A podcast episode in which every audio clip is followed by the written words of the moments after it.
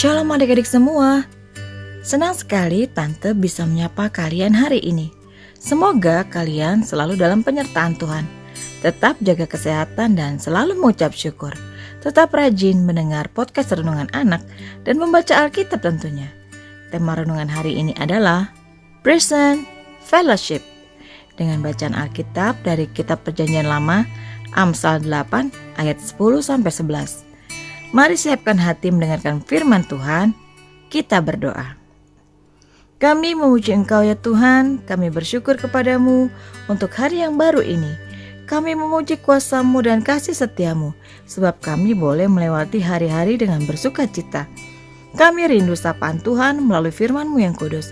Curahkanlah rohmu bagi kami ya Tuhan, untuk memelihara hati dan pikiran kami, agar firmanmu dapat kami pahami seturut kehendakmu. Terima kasih Tuhan. Amin. Amsal 8 ayat 10 sampai 11. Terimalah didikanku lebih daripada perak dan pengetahuan lebih daripada emas pilihan karena hikmat lebih berharga daripada permata. Apa pun yang diingin, yang diinginkan orang tidak dapat menyamainya. Demikian firman Tuhan hari ini. Adik-adik, menurut Amsal, sumber segala kepandaian, kebenaran, dan lain-lain itu ada pada pengetahuan. Dan permulaan pengetahuan adalah takut akan Tuhan. Maka orang haruslah mengejar pengetahuan setinggi-tingginya dan sebanyak-banyaknya. Namun, kita pula diajarkan bahwa pengetahuan tidaklah akan diperoleh dan bermanfaat dengan baik jika kita tidak takut akan Tuhan. Ini adalah kunci utama dalam hidup umat Kristen.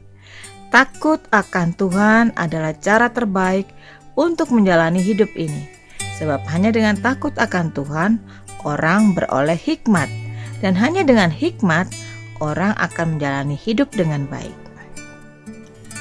Banyak orang mengalami penderitaan yang berat dalam kehidupannya sebagai buah dari kesalahannya di masa lalu.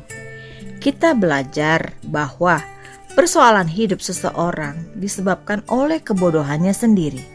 Ketika seseorang tidak sungguh-sungguh mencari hikmat, sebelum memutuskan sesuatu, ia akan menanggung akibat yang buruk di kemudian hari sebagai konsekuensinya. Amsal 8 berbicara tentang pentingnya kita mencintai dan memiliki hikmat. Hikmat adalah suatu karakter yang berasal dari Tuhan dalam mengambil keputusan di tengah situasi sulit berdasarkan pengetahuan, kecerdasan, dan sikap yang menghormati Tuhan. Orang yang berhikmat akan mendapat kebahagiaan, kehormatan, bahkan kehidupannya yang menyenangkan Tuhan dan sesama. Ada seseorang yang bernama Charles Colson atau lebih terkenal dengan nama Chuck Colson, seorang mantan narapidana yang mendapat didikan dari Tuhan dan akhirnya tergerak untuk membantu orang-orang yang pernah dipenjara untuk memperbaiki hidup mereka dengan mencetuskan suatu gerakan yang disebut Prison Fellowship.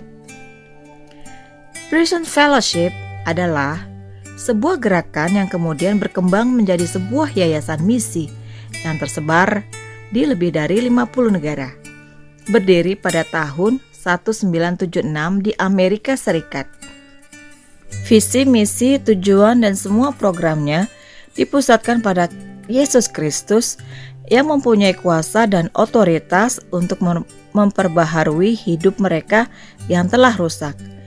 Misi dari Prison Fellowship adalah mendukung, melengkapi, dan mendampingi gereja dalam pelayanannya kepada para narapidana, mantan narapidana, korban kejahatan, dan keluarga mereka, dan memajukan standar-standar keadilan berdasarkan Alkitab dalam sistem peradilan kejahatan.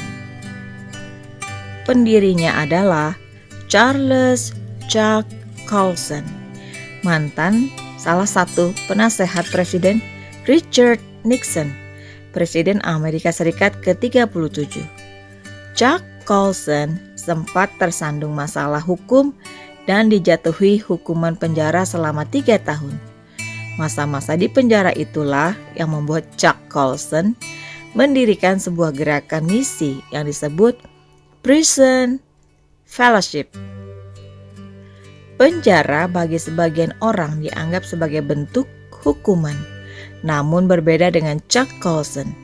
Bagi Chuck Colson, penjara ada tempat untuk menerima didikan Tuhan. Membuat orang-orang jahat mendapat kesempatan untuk memperbaiki diri dan bisa membangun kehidupan yang lebih baik lagi saat keluar dari penjara nanti agak berbeda dengan Yunus yang tidak hanya menolak, namun juga melarikan diri. Tetapi sekuat-kuatnya Yunus lari, Tuhan tetap mampu menjadikan itu sebagai bahan pembelajaran untuk Yunus. Bersyukur, akhirnya Yunus sadar dan mau melaksanakan tugasnya, memberitakan akan dosa-dosa penduduk Niniwe yang mau bertobat dan Tuhan tidak menghukum Niniwe. Pertanyaan Apa yang adik-adik pelajari dari kisah Chuck Colson dan Yunus? Chuck Colson dan Yunus sama-sama mendapatkan didikan dari Tuhan dan akhirnya mau dipakai Tuhan untuk menjangkau orang-orang berdosa agar mau bertobat dan kembali ke jalan Tuhan. Mari kita ucapkan bersama-sama. Aku mau dididik oleh Tuhan. Sekali lagi, Aku mau dididik oleh Tuhan. Mari kita berdoa. Bapa di surga, bimbing dan tuntun kami selalu, didik dan perbaharui kami juga agar semakin hari kami bisa menjadi semakin baik dan dapat menggunakan hidup kami untuk kemuliaan Tuhan. Terima kasih ya Tuhan, dalam nama Tuhan Yesus. Amin. Demikian renungan hari ini. Sejak kecil, adik-adik juga mau dididik oleh Tuhan karena didikan Tuhan lebih daripada perak dan emas pilihan. Tuhan Yesus memberkati.